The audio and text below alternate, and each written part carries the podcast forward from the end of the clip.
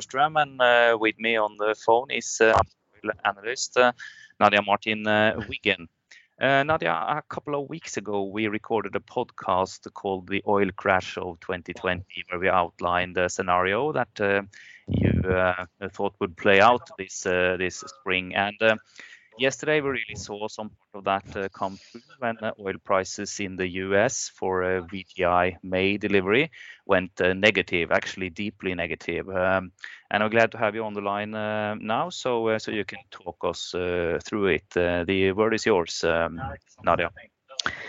Thank you, Carl Oscar. Um, so negative oil. Turning to my slide here, this is showing the May WTI future in the last three days of trading. That means Friday, yesterday, and today. The WTI future expires today, and WTI can expire either with physical delivery, meaning if you are long the future, you actually receive physical delivery of oil. In Cushing, uh, Oklahoma. So. Yes. Mm-hmm. So, and yeah not the easiest thing to to take delivery over for uh, everybody, I guess. Not if you're sitting in an office like ours or in uh, Wall Street or someplace like that. Definitely not. Um, alternatively, you can close out your position um, with financial settlement. But what that means is if you're long WTI, you need to find someone to buy your long position. And that someone needs to be someone who is a physical trader or buyer, someone who can actually take physical delivery of oil. And what happened over the course of yesterday is it became clear that there were more sellers than buyers when it came to the crude, and that physical buyers really didn't want to take these positions without a steep discount. And in fact, the lowest traded number yesterday was minus $40.32. That means that somebody actually sold, well, paid $40.32 to sell out of their oil position. Um, so that that is very negative. Now, what does this mean about the state of the oil markets in the U.S. and globally? Most importantly, it shows that actually storage capacity is reaching critical levels, and this is something we discussed in the previous podcast to which you referred, um, Carl Oscar. Yeah in the US in particular, it's getting very tight. And this is where you know we see that WTI prices came down far more than Brent prices um, yesterday. And that is because you know Cushing is basically in a long landlocked location. It's not on the coast and it doesn't make it easy to load that crude onto a tanker and have floating storage, which is what Brent price um, oil has been increasingly doing. Um, as the U.S. runs out of storage capacity, which could happen, you know, as quickly as two weeks from now, but I think more likely um, in six weeks from now, um, depending how quickly the weekly stocks build. As as the U.S. runs out of that capacity, then the only outlet will be to put oil on the water.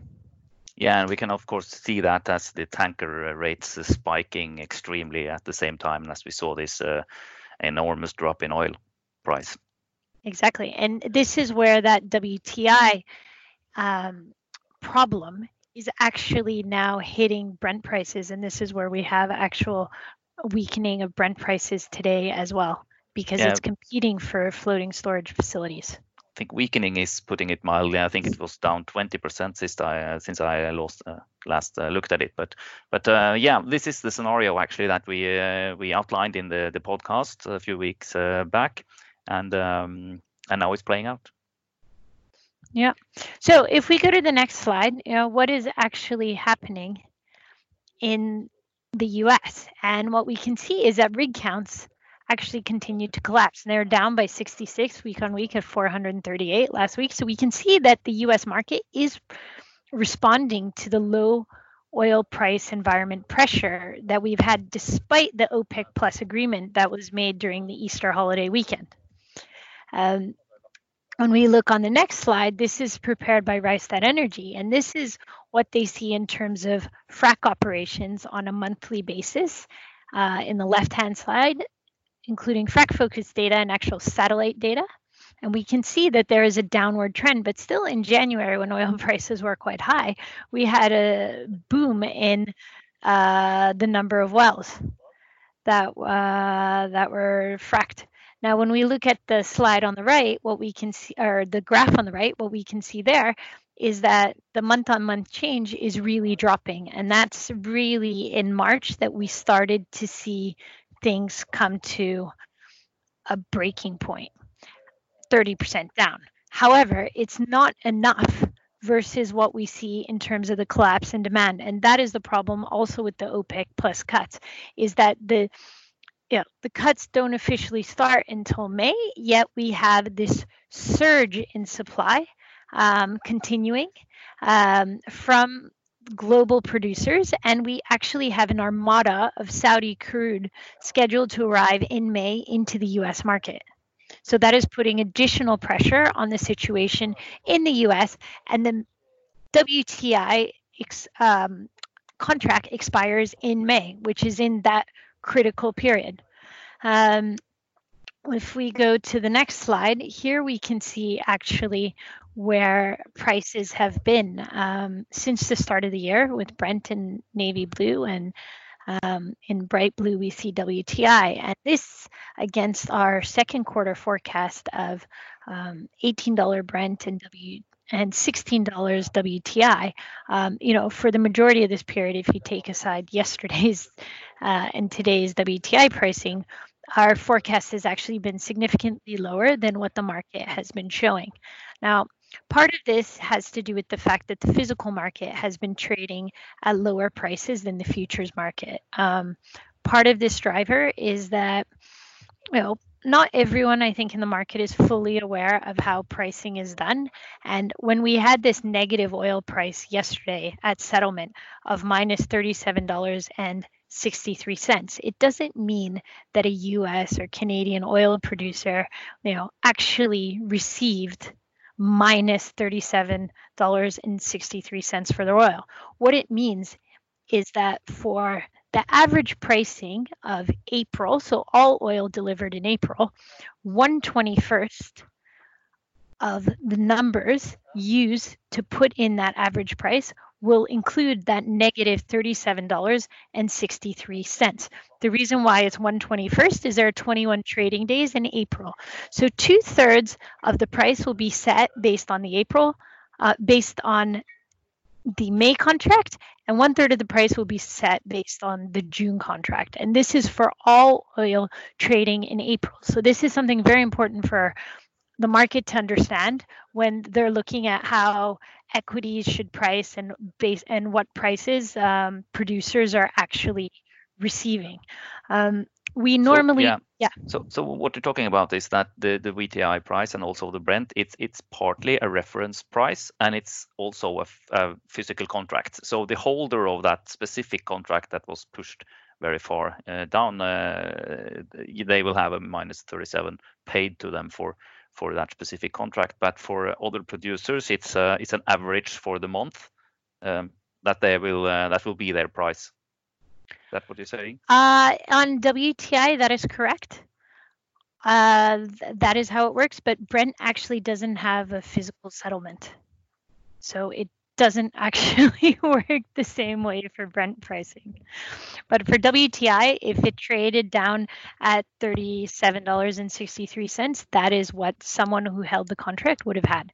But actually, that's where the market settled. It's not where it traded. The lowest it traded was for minus $40.32 yesterday. So that is what the holder of that contract received for that contract anyway, what we're seeing here is a picture of an oversupplied uh, market, like we outlined uh, more in the podcasts. Uh, where do you see this going? Yeah, if we look, you know, the biggest problem still is the lack of oil demand globally. Um, so what we see is as we have this oversupply, we need to put the oil somewhere, and this is where the place of last resort has been floating storage. And on the left hand side here, you can see what the six month Brent spread has been. Um, and on the right hand side, you can see what the six month WTI spread has been. Um, notice the scale is much steeper on the WTI side. And of course, yesterday was extreme. But this is where the oil really needs to be placed somewhere. Now, the main buyer we've had in the market has been China because China got out of the COVID 19 uh, dilemma or, or scare much quicker than the rest of us, having gone through the downturn first. And what we can see is actual independent refiners on the left side. This is showing their refinery utilization. They're actually at historic highs of 71.96%. So China is buying. Crude stocks are slightly down, as we can see on the right hand side. And we know that um, you know the big um, national oil companies are buying oil and the Chinese are filling their strategic petroleum reserves. Now, they are also building additional storage facilities in China as quickly as possible. So that has been the main mire. Um, in the last week, though, we have actually seen European refiners starting to purchase crude again. And that is a positive sign that maybe on the physical market, we're starting to approach the lows um, in activity. And why are they buying? It's because we see, you know, European cities and countries like Norway are starting to test the coming back to normality in a slow but steady pace. So fingers crossed that that goes well, and then we can start to. You know, see a real resurgence in demand and a real support on oil prices. If we look on the next slide, we can see that WTI, though, had gotten a bit ahead of itself. And this is showing in the bright blue line the number of speculative long positions that were put on in WTI in the last few weeks. And as you can see, it's actually gone up quite steeply. The dark gray line is showing the number of shorts, and that has been more um, more steady or call it within a range in the market. Um, this length actually reflects what we've seen as ETF investments. And this is made by retail investors, especially, but also it can be pension funds and other investors. And what we think has happened is that they decided that oil prices cannot stay this low forever. And they just started um, buying futures, not understanding that futures do not um, work in the same way as equities. So you can buy an equity and you can hold it forever so long as the company exists, correct? When yeah. it comes to futures, and oil futures, you know, they have an expiry date on them, which means that if you want to maintain your long position in WTI, you have to roll out of your position um, every month, which means that you have to, if you are long in May WTI, you have to sell the May contract and then buy the June contract and maintain that position. Now, what I think some of these investors have failed to understand is that when we have this severely oversupplied market, the shape of the futures curve is in contango. What that means is that when you're selling out that May contract, you're receiving a lower price for that contract than what you have to pay to buy the June contract. So, if yesterday, for example, if someone had bought um, the June contract, they were paying $23 a barrel. And then if they were to by the July contract, they were losing five dollars. Yeah, which is you know almost a quarter of the investment. I think and, this is an extremely important uh, point because we've seen, and uh, I've just read on the internet also for lots of interest, and yes, as you can see on your graph, lots of investors coming in buying oil here. When uh, your advice should perhaps, or at least I've, I've been interpreting it that way, they should do the, the opposite. Yes, oil futures are, are not a buy. No, yeah, because right of the contango, now. because it's it's it's it's in the structure of this contract that the, the, the price pressure will be down for as long as there is storage uh, uh, problems. Am I right? Yes, and this is where we've seen actually a, a big discount or price drop today in the June WTI future because I think the market or some of these investors are actually understanding what happens. And if they look to July, you know, what if there is as much pressure on the market as this time? on June expiry to roll out to July, in which case they face potentially negative prices, but even if they don't face negative prices they're still losing money in that role. So i think part of the the price pressure on june wti has been the realization by investors that this is what is actually happening. Um, but there's been a lot of short-term money uh, coming into these uh, kind of ETFs now. Can they, uh, if they understand what they have been buying or the, the situation that you're outlining, can, can we see that money pour out again? And will that be mean additional pressure downwards short-term on on the oil? Yes, yes, and I think this is already starting. So that uh, absolutely can happen. I think also we will have an even more staggered rolling of the contracts. So we could, instead of the big price pressure coming on one day or a couple of days, it could be dragged out throughout the month, which of course will bring WTI closer to our average um, price forecast of $16 a barrel for the second quarter. Yep. You know, when when June is still trading quite a bit higher than that. Um, yeah, here is our price forecast. Yeah, and I think that's an, an interesting note to to end with because uh, this uh, uh, oil prices can't go down this way uh, forever, and uh, you're forecasting light at the end of the tunnel when uh, I guess both demand goes up again sometime, and then supply has to to respond and even stronger than than today. Can you can you quickly outline what's uh, in this forecast uh, for yeah, us? Yeah, absolutely. So for the second quarter price, you know, we really expect April and May to show the biggest weakness. A- April probably at the lowest point um, for a Brent uh, number. Um, April and May, and then by June we expect to see stronger demand, and then oil prices can start to recover. I also think that given yesterday's price collapse in WTI, Saudi Arabia is cutting oil far faster, and so are other producers. So you know ahead of what uh, the May cut contribution requires of OPEC plus plus. In addition, US producers and Canadian producers are shutting in wells, um, given you know, this extreme situation. Um, when we look towards the third quarter, then we will have you know, the oil production cuts in full force um, by Saudi Arabia and Russia. That does not mean they cannot even go deeper um, you know, following the June meeting if the group decides they need to cut even more deeply. Um, also in the third quarter, we expect to see some more demand if the gradual loosening up of the market um, in terms of you know people mobility and quarantines continues along the trend that we're just starting to see in the last couple of days.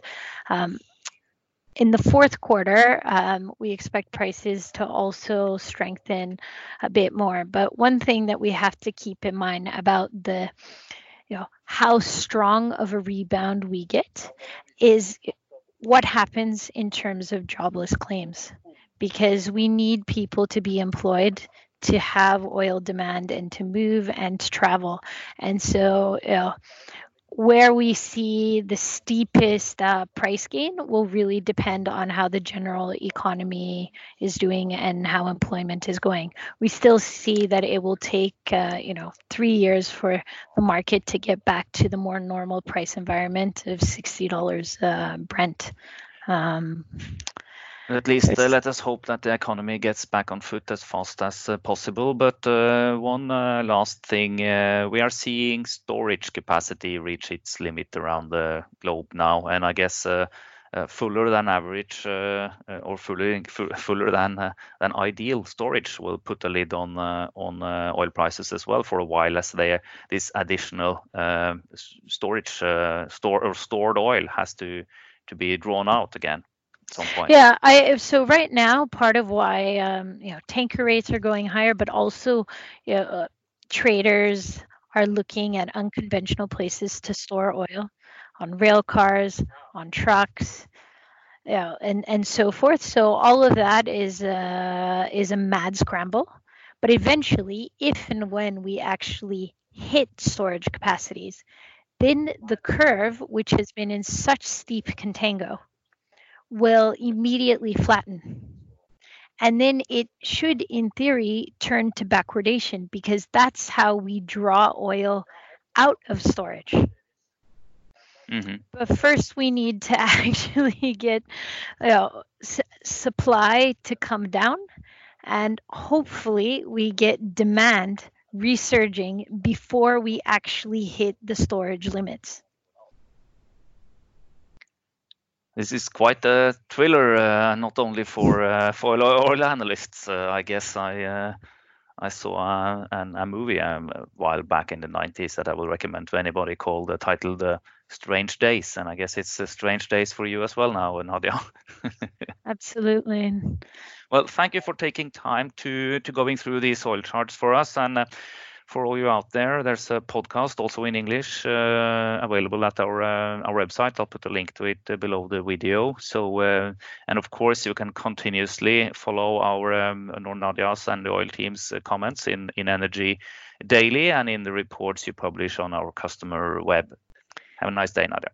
Thank you very much.